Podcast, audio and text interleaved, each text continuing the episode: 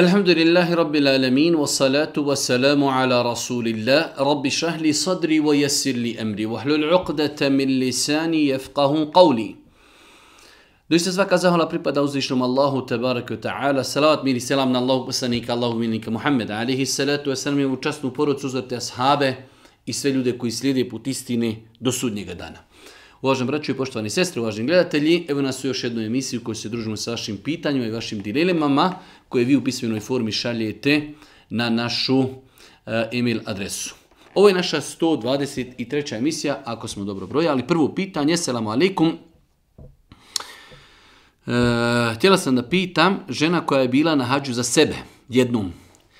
Htjela bi da ide za muža bivšeg na hađ, a ona je sada udata za drugu osobu. Znači, pitanje je da li žena može da obavi hađ, bedel hađ, za svoga muža bivšeg, a ona je sada udata za drugog čovjeka.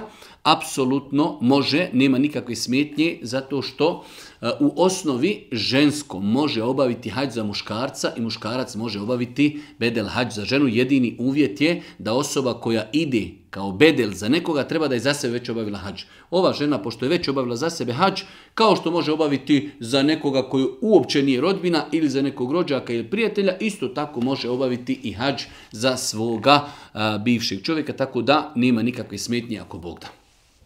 Drugo pitanje, Malo duže pitanje, u svakom slučaju, ja sam u vjeri, trudim se da budem što bolja vjernica, klanjam i tako dalje. Nosim hijab, ali ne onako kako bi trebalo, nego samo hlače i tunike. Iskreno ja sam protiv toga i već dugo imam želju da počnem da nosim džilbab, ali tu stvar, stvar pravi problem moj muž. Njemu se to ne sviđa. Jednom prilikom je čak rekao da želi da skinem hijab. E sada dva pitanja. Prvo pitanje kako da se ispuni da ispunim svoju želju da počnem nositi džilbabe i druga stvar je on je također bio u vjeri i onda je odjednom krenuo lošim putem, počeo je da puši i da pije i da kocka. Također je mene jedno vrijeme nagovarao da uzmem alkohol i tako dalje.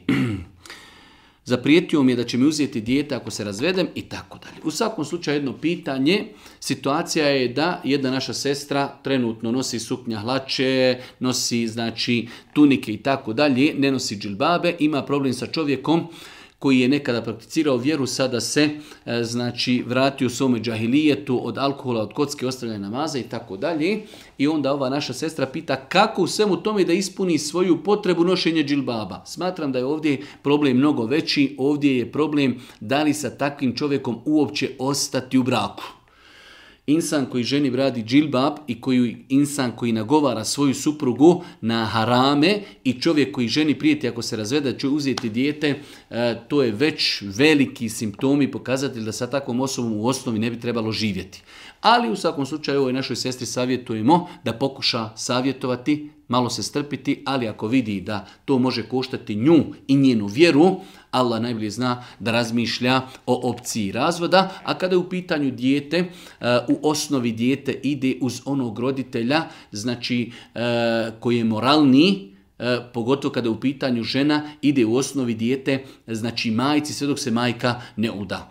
E, tako da, na kraju krajeva i kada bi prihvatili činjenicu da čovjek uzme sebi to dijete, a neće nikada uzeti to dijete zato što e, muškarac neće dijete jer su mu to obaveze, znači neispravno je donositi odluku živim u braku koji je katastrofa samo zbog djeteta. To znači je također neispravan e, način razmišljanja, tako da po meni ova naša sestra treba razmišljati više da li sa takvim čovjekom ostati u braku, a pitanje džilbaba će riješiti nakon toga. da li je gusul ibadet? Ako je ibadet, da li možemo ibadet uraditi u znači golom stanju kada nemamo odjeći na sebi? Da li je gusul ibadet? Da, apsolutno da. Allah Đelšanhu naređuje gusul u Kur'anu, Boži poslanik naređuje gusul u svojim hadisima, Allahu poslanik pojasnio praktično kako se uzima gusul, pojasnio riječima i tako dalje, tako da da li je uzimanje gusula i badet? Apsolutno da. Zato čovjek kada bi došao džunup i onako ušao u podvodu i istuširao se bez da namjerava u srcu da otkloni od sebe pravnu čistoću, nije ništa uradio. Zato što da bi ibadet bio primljen moramo imati nijet. Pa je gusul ibadet. Ali normalno se moramo kada se prilikom e, znači kupanje moramo sa sebe skinuti odjeću i ništa nije sporno da ibadet činimo, a mi na sebi nemamo odjeći, pa čak u datom momentu i određeni dove i zikr i tako dalje čovjek može biti znači pod dekom da nema na sebi nikakve odjeći i da da čini određeni ibadet, tako da e, e, ne treba vezivati E, pojam ibadeta sa time da li mi na sebi imamo neku odjeću ili ne. Namaz kao namaz, kada klanjamo moramo biti propisno odjeveni, ostali ibadeti nisu uvjetovani da čovjek mora na sebi imati odjeću.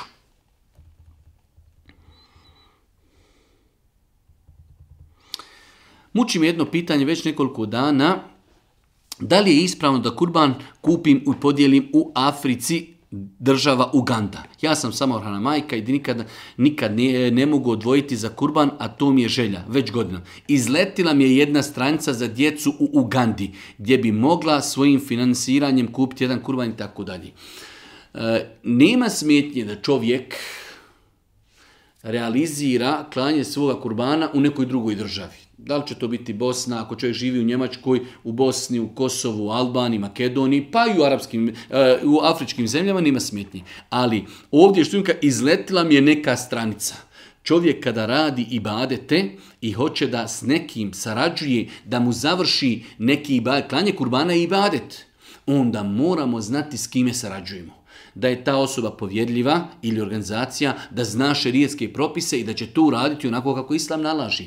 E, mnogo je prevaranata na internetu, pogotovo kada je u pitanju, e, čuo sam iz više povjerljivih izvora, kada je u pitanju Uganda, znači mnogo je prevaranata e, koji ljude kontaktiraju putem društvenih mreža, traži uplate, a od toga na kraju krajeva ne bude ništa, od pomoći, od bunariva, od kurbana i tako dalje. Tako da moj savjet je, ako neko želi realizirati kurban u nekoj od država, onda treba da to bude realizirano preko organizacije ili preko pojedinaca koje mi lično poznajemo ili nam ih je neko preporučio da su provjereni pod uvjetom znači da su provjereni i da znaju šerijatske propise da će to uraditi onako kako treba. Kurban ima svoje e, znači uvjete sam kao kurban ima vrijeme kada treba da se e, zakolje i da se podijeli i tako dalje. Tako da kur, klanje kurbana i badet moramo paziti kome ćemo povjeriti da za nas uradi taj ibadet. Svakako e, možemo to uraditi ako živimo u Njemačkoj, Francuskoj, Holandiji ili ne znam gdje, možemo to uraditi u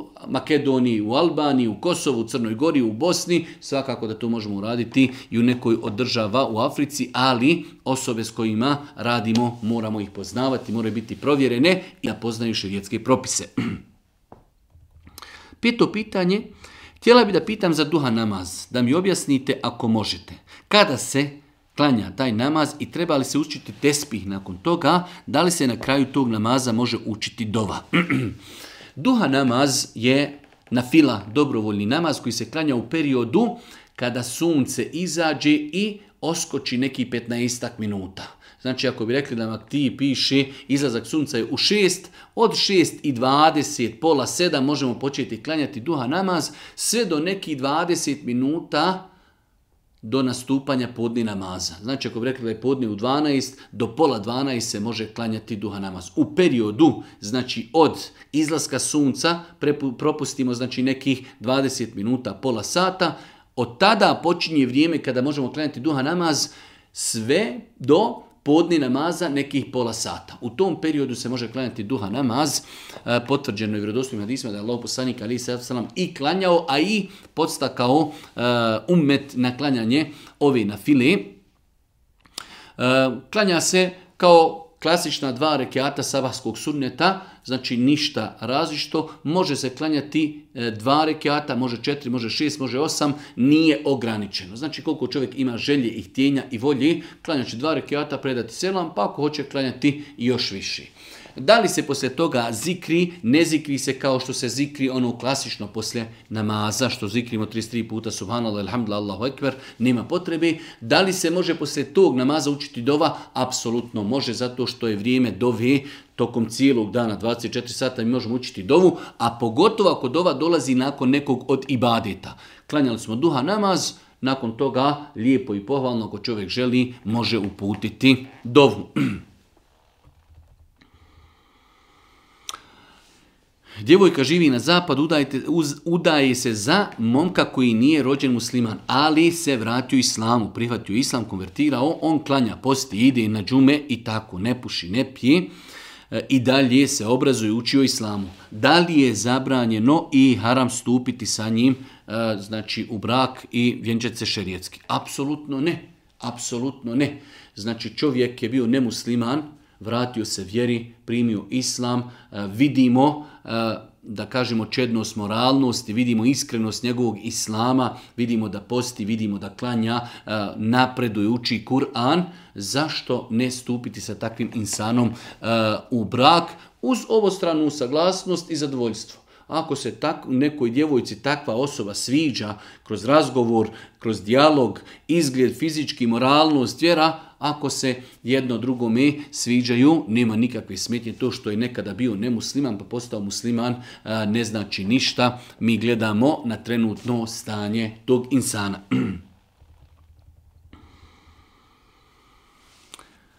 Da li je Allah moj namaz primio, da li je ispravno ako zikr i dovu proučim poslije cijelog namaza? Nisam znala da se poslije farza mora proučiti. Ja sam klanjala cijeli podni namaz, a onda bi zikrila. Pitanje znači da li je valida namaz osobe koja klanja podni namaz tako što klanja sunnete, pa farze, pa sunnete, pa tek nakon toga zikri. To nema nikakve veze sa ispravnošću namaza. Naš namaz tako klanja nije inšala vizna ispravan i validan, ali je od sunneta lijepo i pohvalno da zikr bude nakon farza. Znači klanjamo sunnete, klanjamo farze, nakon toga zikrimo, 33 puta subhanallah, 33 puta Alhamdulillah, 33 puta Allahu ekber, ajetul kursi i nakon toga klanjamo sunnete. Ali ako neko to ne bi uradio, to nema nikakve vezi sa validnošću njegovog namaza. Jedno malo duže pitanje. E, u svakom slučaju jedna naša sestra kaže vraća se vjeri, želi da se pokrije, uvodi u svoj, da kažemo, e, život i u praksu mnoge neke lijepe navike i badete. E, uz Ramazan sve krva i ja i moja vas smo učile zikr la ilaha illallah sedam hiljada puta. Sedamdeset hiljada puta. I to smo kao stavile u jedno. Šta li znači ne znam. Je li to uopšte može tako? I ja imam želju sada sama da proučim 70.000 puta i tako ne mogu nigdje na internet naći da li je to propisano ili ne.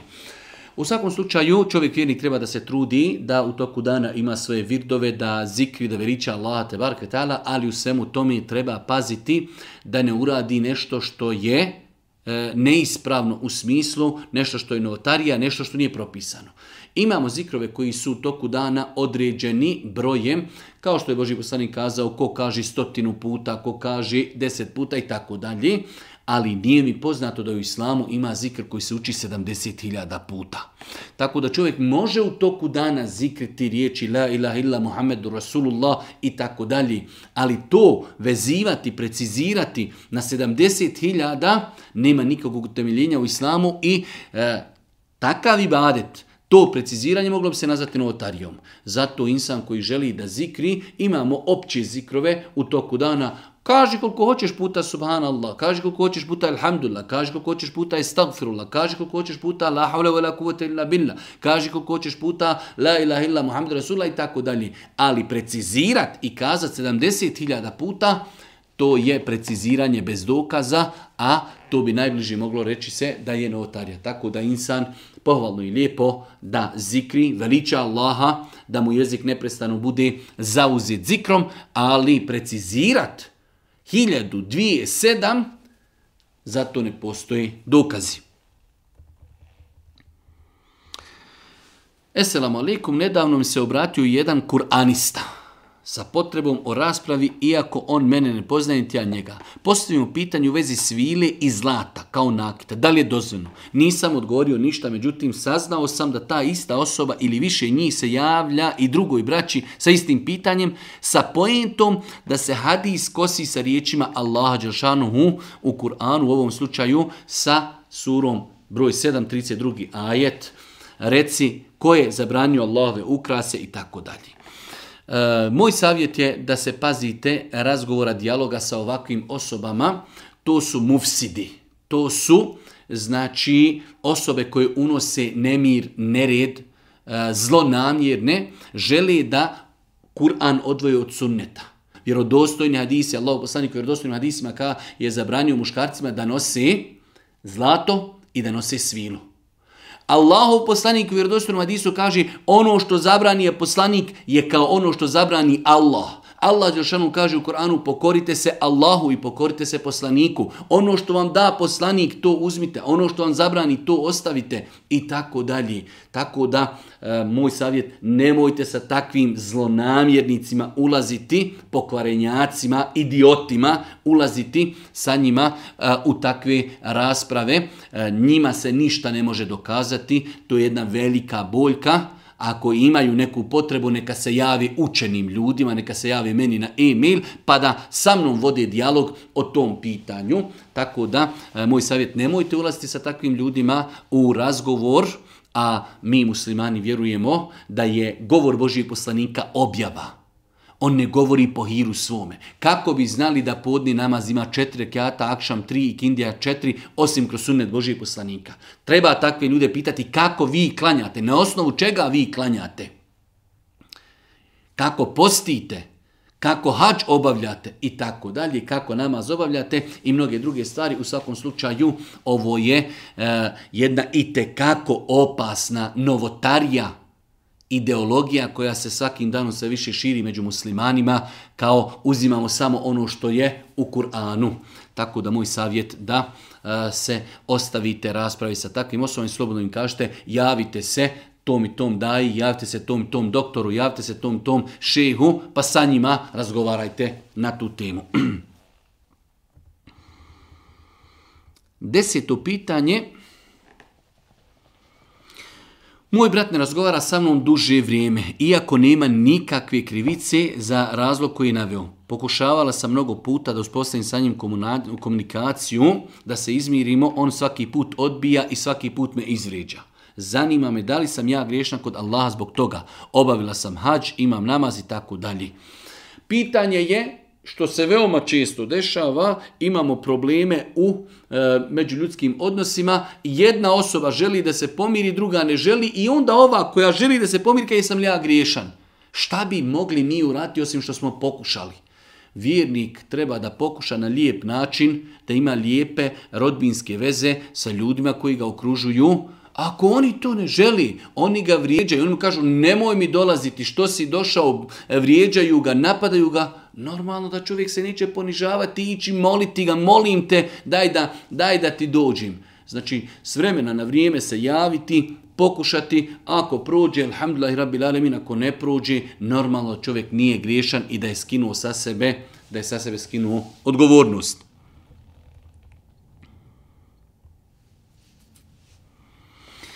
Molim vas za odgovor, ne mogu nigdje da nađem da li moram da imam abdes prilikom prisustvanja šerijetskom vjenčanju u džamiji. E, osoba koja ide na šerijetsko vjenčanje u džamiju, ako će u džamiji klanjati namaz, tahijetul mesčit prilikom ulaska ili da će se klanjati podne ili kindija pa nakon toga da se bude vjenčanje, tada ima, treba da ima abdes zbog namaza.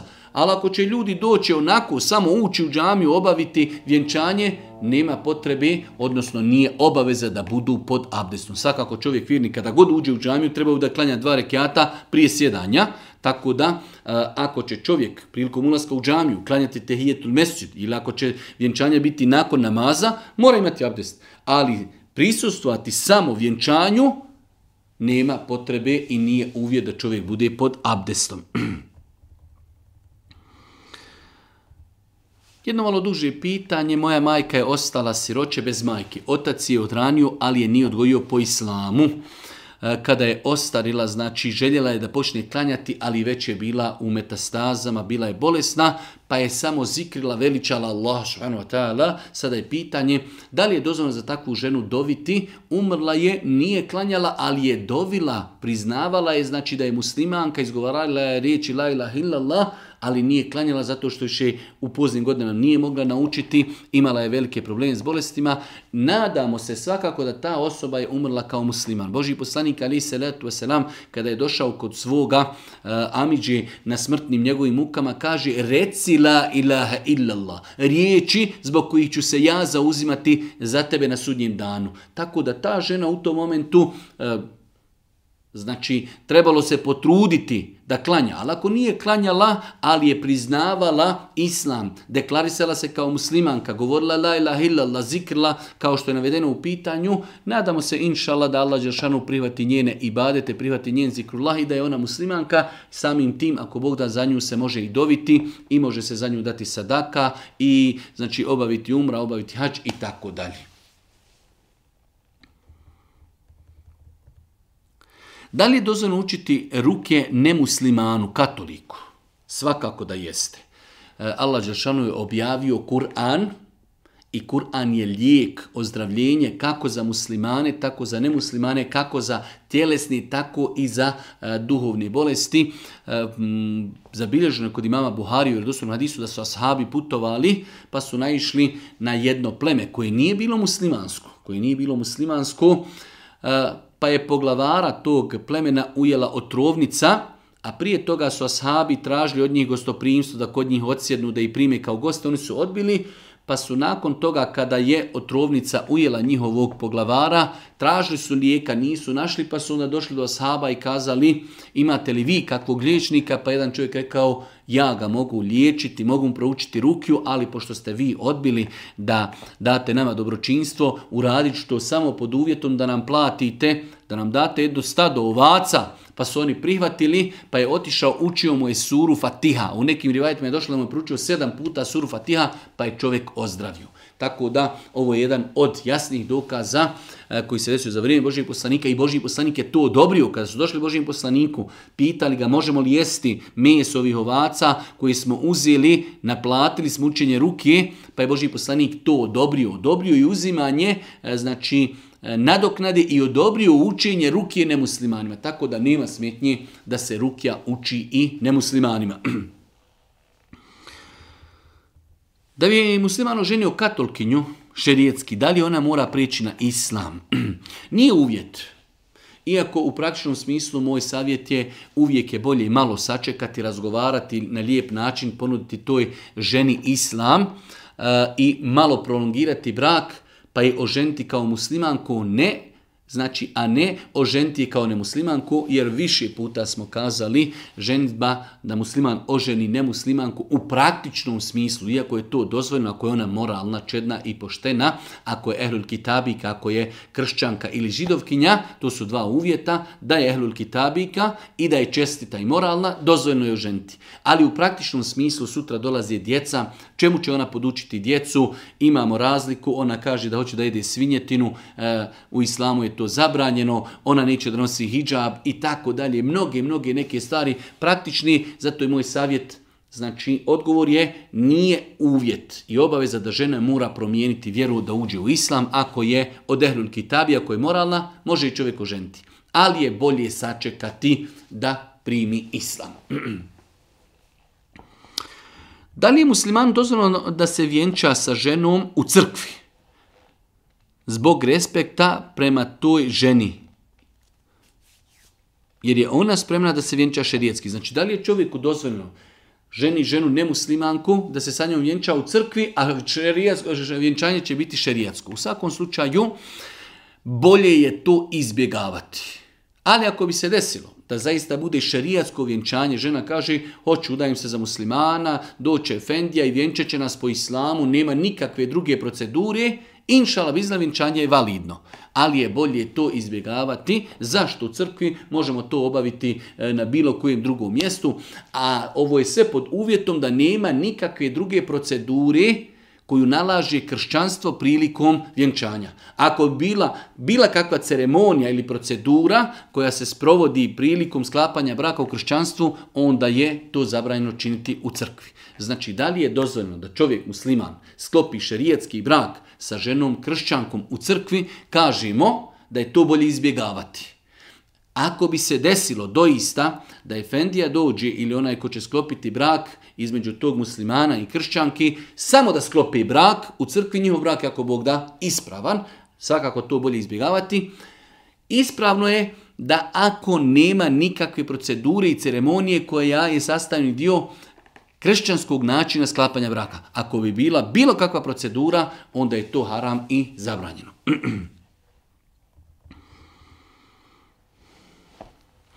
Da li je naša dova za bolji znači nezadovoljstvo Allahom, njegovim Đeršanhu eh, kaderom.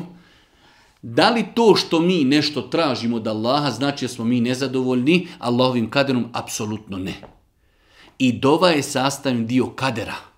I dova je sastavni dio kadera. Dova nam je naređena, dova nam je preporučena, dovio je Boži poslanik. Tako da te dvije stvari ne treba nikako vezivati. Čovjeka zadesio mu sibet, on je se pomirio sa kaderom, ali dovi Allahu Đelšanu da mu olakša, da ga izliječi, da ga učvrsti i tako dalje. Tako da to su dvije stvari koje ne treba, da kažemo, miješati. E, lakše da odgovorimo, dova i dovljenje ne znači nezadovoljstvo Allahovim subhanu wa ta'ala kaderom.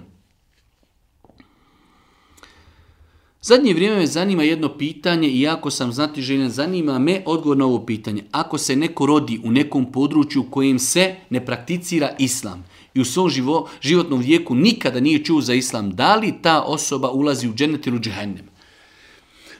Može se desiti, veoma teško, ali može, pogotovo kada su u pitanju ruralna, ruralne sredine, nazadnje države po Africi, po ne znam nija, znači tim nekim dalekim zabačenim krajevima gdje nima civilizacije, može se desiti da čovjek umri da nikada nije čuo za riječ Islam, niti za riječ Muhammed, niti za riječ Allah.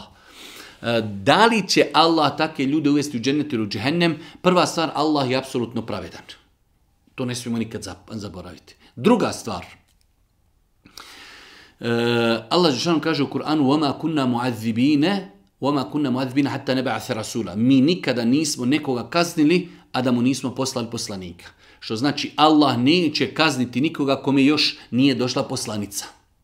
To je druga stvar. Treća stvar imaju vjerodostojne hadisi eh, u kojima se spominje Allah eh, Allah poslanik kaže doći će na sudnje danu čovjek koji je bio gluh. Kazat će ja rab kako sam se ja mogao odazvati poslaniku, nisam čuo. Doći će čovjek koji je bio luđak.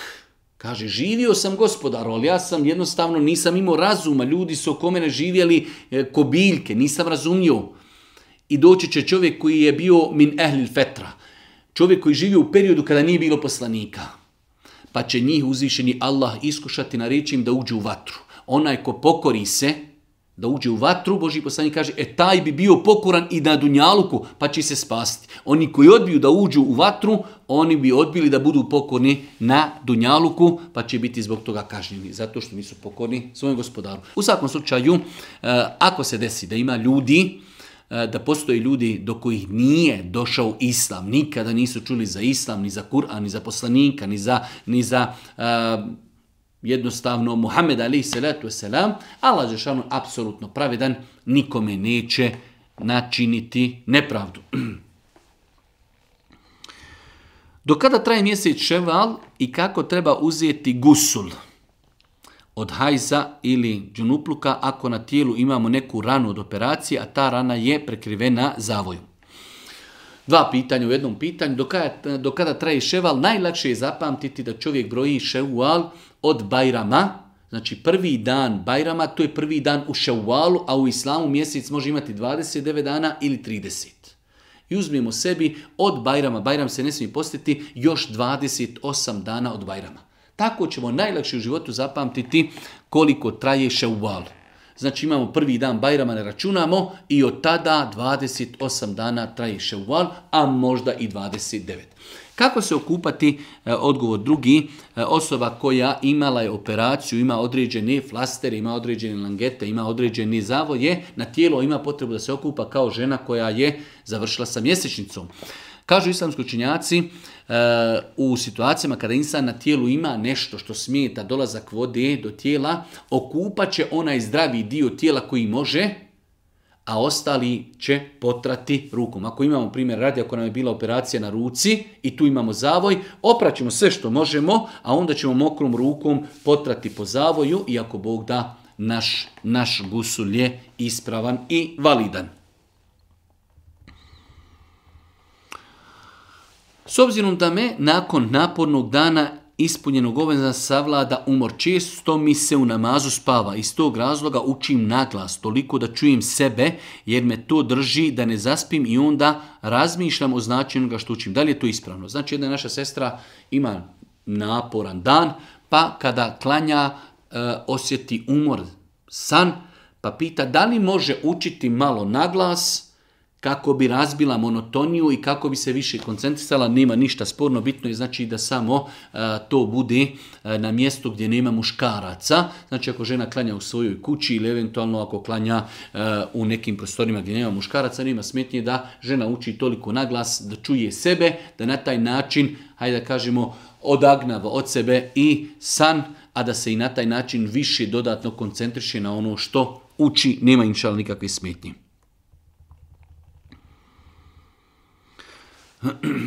Upoznao sam djevojku online prije dvije sedmice. Pišemo i sjedili smo jedno s drugim, ali djevojka živi životom islama i sluša je nekog mufti koji rekao da je zabrano dopisivanje prije braka. Interesuje me stav vaš po tom pitanju.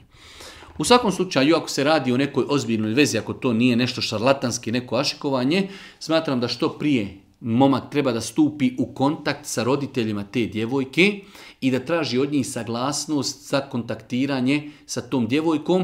E, najbolji kontakt jeste e, da e, on kontaktira sa njom uživo na način da će biti sa njom njena majka, njen brat, njena sestra ili da će sa njim neko biti, samo je bitno da nema osamljivanja, normalno uz saglasnost njenih roditelja.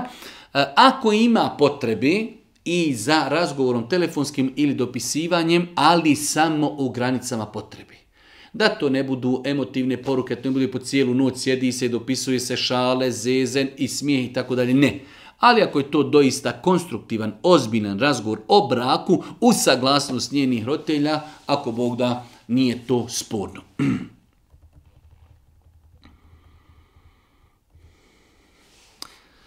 Jedno duže pitanje, jedna naša posjetiteljka kaže, govori o jednoj poroci, o nekim dešanjima, kaže sada će biti taj neki rođendan gdje će biti kum i kuma koji će tom nekom djetetu osjeći kosu, pramin kose, taj pramin će se uz neku vočku da se stavi, da, znači pored vočke, a obaveza je da ta vočka bude dobra, napredna, koja dobro raste, pa je pitanje e, da li je to od islama. Nije od islama. Od islama imamo da se, znači, dijete kada se rodi, da mu se brije glava, znači sedmog dana se daje ime dijete, brije se glava, kolje se akika, udjeljuje se sadaka, to su stvari po islamu, ali nakon godinu dana da se sjeće kosa, da se ta kosa stavlja pored neke vočke koja je kao napredna pa da i dijete bude napredno, to nema nikakve veze sa islamom i to muslimani trebaju izbjegavati. Muslimani trebaju da se poduče islamskom načinu dočekivanja novorođenčeta. Znači, e, po određenom dijelu učenjaka djetetu se uči ezan na desno uho, e, sedmog dana se djetetu brije glava, e, kolje mu se akika ili kurban, nadjenu, nadjenu mu se ime, udjeli se u težini kosi, u protuvrijednosti zlata ili srebra udjeli se sadaka i to su islamski običaji e, dočikanja novorođenčeta.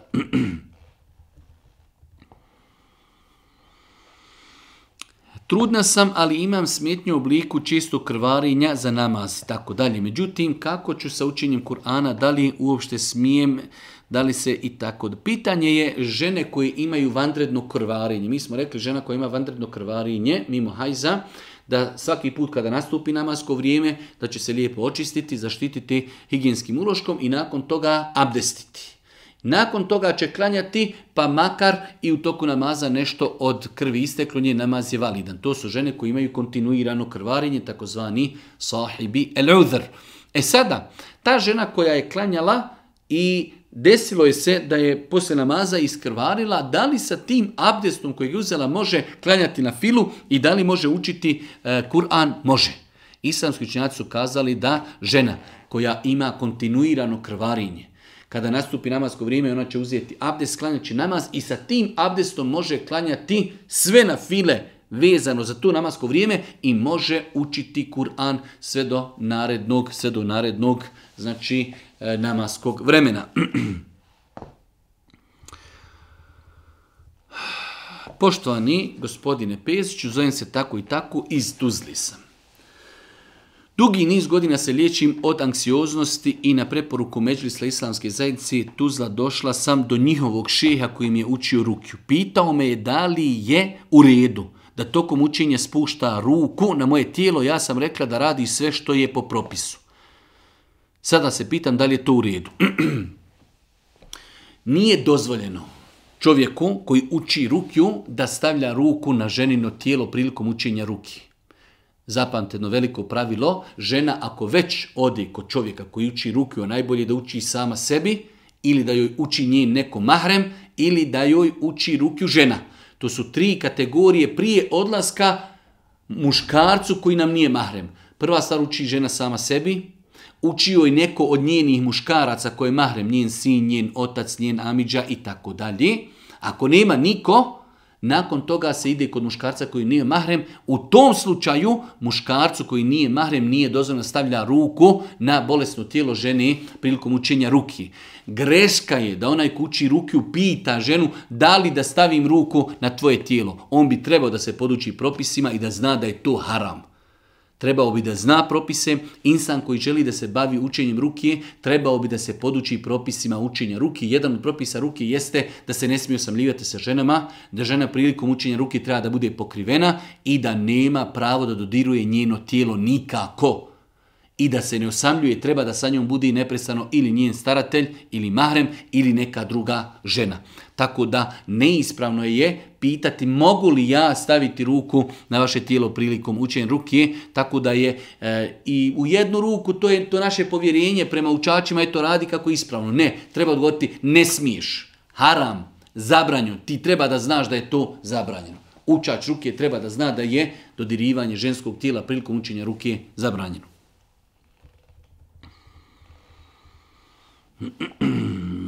Bavim se prodajom torti, obzirom da dekoracija torti nerijetko bude takva da treba napraviti od fondana, figure, tipa, likova i crtanih filmova, oblici raznih životinja i tako dalje. Zanima me da li je grije što pravim takve figure i tako dalje.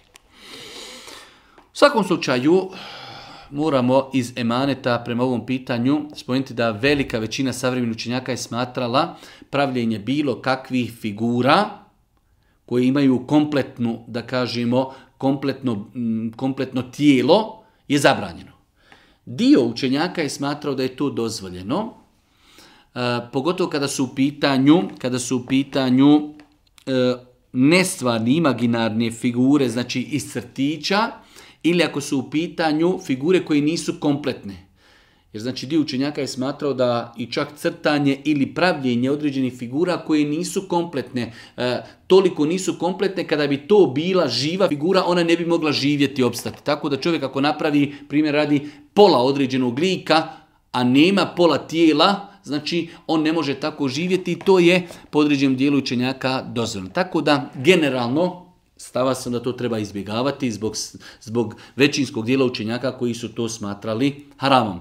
Ali isto tako ne treba oko tog pitanja zatezati da ako neko to nešto i napravi ili gleda da to budu neki e, minijaturno ili nešto djelimično, ne treba to sada toliko ljudima negirati da je to jedan veliki haram. Dio učenjaka je generalno rekao da se te figurice mogu praviti kada, je u pitanju, kada su u pitanju torte. E, tako da ima, hajde kažemo, malo u tom pitanju pitanju fleksibilnosti. Stava sam da to treba izbjegavati. Ako već mora biti da to budu neki imaginarni likovi koji nemaju svoju stvarnost i da budu djelimični, da ne budu potpuni. Znači da ne budu potpuni. Poštovanje, ja sam pravoslavac, volim vaše klipove. Je li može pravoslavac pristupati na službi u džamiji? Zanima me kako se održava služba u džamiji. Znači čovjek nemusliman pita pravoslavac da li je dozvoljeno da čovjek dođe kao nemusliman u džamiju da vidi kako muslimani obavljaju namaz. Nema smetnji, e, ispravno mišljenje da nemuslimani mogu ući u džamiju za vrijeme Božih poslanika. božih poslanik je dočekivao delegacije E, u džamiji svojoj koji su bile nemuslimanske, tako da nema smetnji da nemusliman dođe u džamiju. Svakako e, da prilikom dolaska u džamiju bitno je da nemusliman se najavi, da li je Fendi, da li mu je Zinu, da li mu te veli da kaže ja nisam musliman, volio da vidim kako vi klanjate, sjediću negdje na stolici, da li vas tu uznemirava, e, kao jedan vid respekta i poštovanja nekog pravilnika. Znači sa širijetske strane je dozvoljeno nemusliman da uđe u džamiju, ali isto tako e, nije dobro čovjek uđe i odjednom sjedne u džamiju, niko za njega ne zna. Lijepo je da se predstavi, da kaže e, Efendi ili Muezinu ili Muteveli, neko koji odgovorno kaže ja nisam musliman, ali eto jednostavno izučavam islam, volim islam i lično sam vidio u više slučajeva, e, u više džamija gdje ne muslimani uđu, sjede na stolici, gledaju kako muslimani klanjaju i znači to je, hajde da kažemo, jedna normalna praksa. E, s aspekta šerijata islama nema smitnje nikakve nekakve da e, nemusliman uđe u džamiju, ali znači treba najaviti svoj dolazak, prisustvo kako jednostavno neko ne bi možda e, reagirao na nepromišljenje da kaže zašto ne klanjaš, zašto nisi sa muslimanima i tako dalje, tako da samo da se to tehnički lijepo prijavi odgovornim osobama u džamiji.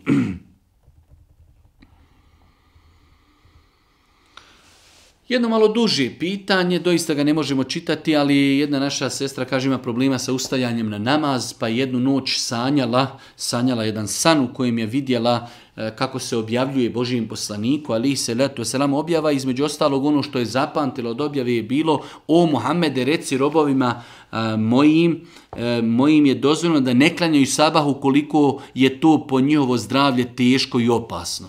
E sada je pitanje znači e, šta i kako se ponašati. E, inače uzmite pravilo da iz snova se ne uzimaju propisi islama. Propisi islama su gotovi. In el tu lekum dinekum. Allah Žešan kaže danas sam vašu vjeru upotpunio. Završeno. Vjera je potpuna prije 1600 godina. Imamo Kur'an, imamo sunnet. Čovjek šta god da vidi, u usnu da vidi, kaže vidio sam poslanika i poslanik mi rekao ti od sutra ne trebaš klanjati. To se ništa ne broji umetu muslimanima je naređeno da moraju klanjati, imamo propise, e, tako da i ovo viđenje u snu, kao viđenje poslanika, viđenje objavi u kojima se objavljuje poslaniku Muhammed reci svom ummetu da ako im je teško i ako im predstavlja poteškoću ne moraju klanjati sabah u namaskom vremenu, sve je to znači neispravno, totalno. Nama muslimanima je naređeno jasno, precizirano da se sabah klanja od pojave zore do izlaska sunca i tako ostaje do sudnjeg dana. Sada ne bi ulazio u analize eh, Islamski učenjaci kada govori o načinu i metodi, kako šetan zavodi ljude, čak nekada šetan e, od ljudi napravi kao neke velikane, evlije, kerameti, vidio je on usnu nešto i njemu je nešto rečeno, to je ništa drugo od šetana. Samo što to ljudi ne znaju prepoznati. Ibn Kajim u svojim knjigama govori o takvim stvarima, da šeita nekada ljude zavede na način da su oni pobožnjaci, da su oni evlije, usnu, imaju kontakte sa melekima, vidjeli su poslanika, uh, oni više nisu obavezni da klanjaju i tako dalje. Sve je to uh, šeitanski način zavođenja ljudi, tako da bilo kakvi snovi koji su u koliziji kontradiktornosti sa nekim od opće prihvatljivih poznati propisa u islamu ne prihvataju se snovi, niti se i snova uzimaju propisi. Sabah namaz je obaveza klanjati od pojave zore do izlaska sunca. Da li je halal meso ribi ako ribu upecamo, a ne zakoljemo je, nego čekamo da sama umri? Apsolutno da. Apsolutno da. E, znači, e, meso ribe je halal bez obzira da li ta riba, znači nakon vađenja, ako je pustimo da ona umri ili da znači je čovjek na neke ako su u pitanju veće ribe iako je zakolje znači ali u svakom slučaju ako se riba samo izvadi iz vode i u nedostatku nedostatku života u vodi tako znači umre njeno meso je totalno halal Allah poslanik ali se letu selam e, u vjerodostojnim hadisima je potvrdio da ono što se izvadi iz vode znači kao mrtvo je halal i dopušteno Opet jedno malo duže pitanje, naime već duže vrijeme živim u Hrvatskoj i samim time tu su skoro svi nemuslimani katolici. Malo prije nalete na hadisu u stoji da je Allah poslanik kazao čovjek je na vjeri svoga prijatelja, zato neka gleda s kime će se družiti. Pošto živimo u takvoj sredini gdje su mi prijatelji katolici, malo njih je muslimana. Moje pitanje da li to utječe na mene kao osobu i da li to utječe na bilo koji način na vjeru i tako dalje. E, definitivno drugovanje sa, sa ljudima ostavlja traga na čovjeka. Nećemo sada govoriti muslimani, nemuslimani. Čovjek kada bi imao prijatelje koji se deklašu kao muslimani, ali konzumiraju alkohol, psuju, lažu, neklanjaju i tako dalje, to ostavlja traga na onoga e, znači, ko se s njima druži. Tako isto je e, i u slučaju kada se čovjek druži sa nemuslimanom. Nemuslimani imaju svoje običaje, imaju svoje postupke koji su dosta puta u koliziji sa onim što je, znači, e, što naređuje islam. Tako da insan treba da pazi s kime će se družiti. Kada kažemo družiti, to je neko ko će mi biti blizak. Ali da ja imam nemuslimane komšije, da kažem dobro jutro, kako ste, mogu li šta pomoći, zdravlje i tako dalje, da, da im dadnem neki poklon, da pomognem, da budem tu jednostavno kao komšija, kao prijatelj, kao poznanik, svakako da. Ali kad se kaže prijatelj, misli se na nekoga s kime smo često, pijemo kafu, družimo se, poprimamo od njega navike, on poprima od nas. Ali da mi imamo komšiluk gdje je možda većina ljudi nemuslimani, sa njima se pozdravimo, dobar dan, dobro jutro, kako ste, kako zdravlje, s vremena na vrijeme možda negdje neki pozdrav ili možda neka kahva, nije, nije to ciljano, Ciljani su oni s kojima se mi više družimo, toliko da mi od njih poprimamo i oni od nas poprimaju određene osobine. E, to su oni na koji moramo paziti s kime se doista družimo. S kime se doista družimo, a da čovjek znači ima ljude koji su nemuslimani u okruženju i da iz vremena na vrijeme sa njima možda i popije kahvu ili da, da im se javi, da ih pozdravi. To ako Bog da nije sporno, već treba čovjek paziti s kime će se družiti i od muslimana u kontekstu tom da jednostavno osoba s kojom mnogo se družimo mora da znamo da će ostaviti traga na nas. Živim u Švedskoj. Ovdje sabah počinje u 3.30, završava u 5.15. Ja ustajem u 6 sati, od 7 sati počinjem raditi, da li mogu klanjati sabat u 6? Znači sabah, izlazak sunca je u 5.15, čovjek ustaje u 6, klanja sabah, ide na posao, je to ispravno? Apsolutno ne musliman, vjernik treba da uskladi sebe, svoj posao, svoj život i svoje životne znači e, obaveze prema namazima.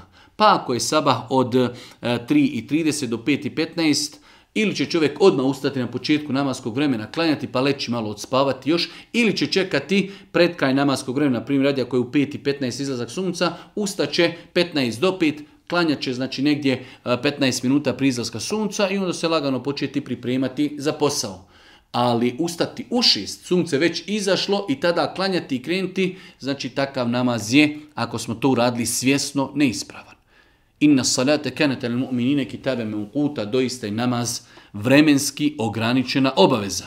Znači moramo organizirati sebe i svoj život da saba klanjamo u Namaz ono, Kao što ćemo doći na vrijeme na posao, znamo da moramo doći u sedam, ne možemo doći u osam niti u devet, isto tako i mnogo, mnogo, mnogo prioritetnije je da namaz obavimo u njegovom namaskom vremenu. 30. pitanje. Kada god uzimam abdest, dobijem osjećaj da sam ga odmah izgubio, pa tako uzmem ponovo ali isto dobijem neku sumnju da nisam nešto preskočio pa se vraćam i tako dalje. Ovo su klasične, klasične vesese.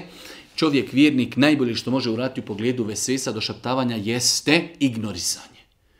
Sve dok čovjek ne bude siguran hiljedu posto da je ispustio znači vjetar, pogotovo ko zna da ima problema sa vesvesama, onda dok se ne bude smio zakliti da kaže sigurno sam pustio vjetar ili izgubio sam abdest, idem ponoviti. Bilo šta, da li sam nešto zaboravio? Nisi ništa zaboravio. Da li sam izgubio abdest, ali ono sumnja? Nisi izgubio abdest. Osnova je uzeo si abdest, uzeo si kako treba, klanjaj i ne osvrći se na to, se. Najbolji način rješavanja vesvesa jeste ignorisanje. Pravilo, nakon završenog ibadeta, ibadet se nikada ne smije ponavljati. Za ljude koji imaju vesvese, Abdestiju i završio. E sad, da li sam nešto preskočio? Nisi. Završeno. Znači, apsolutno ne. Ljudi koji imaju problema sa vesvesama, nakon završenog ibadeta ne smiju više da razmišljaju ibadetu, niti da ponavljaju nešto iz tog ibadeta.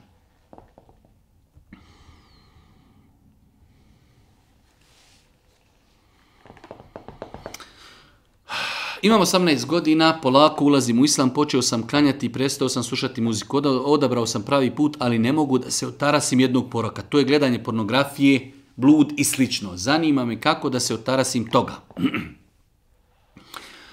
Jedan naš omladinac, 18 godina, vraća se islamom, počeo klanjati, ali ima problem, navika, pornografija i on kaže blud. Da li time misli e, na bludne radnje ili baš misli na nemoral, ali u svakom slučaju kako se ostaviti toga? Prva stvar dova, druga stvar borba, treća stvar znati da je to zabranju. Četvrta stvar znati da na taj način zloupotrebljavamo Allahove blagodati. Čovjek kada gleda ono što je zabranju treba da zna da zloupotrebljava blagodat koju ima Allah s.w.t. dao.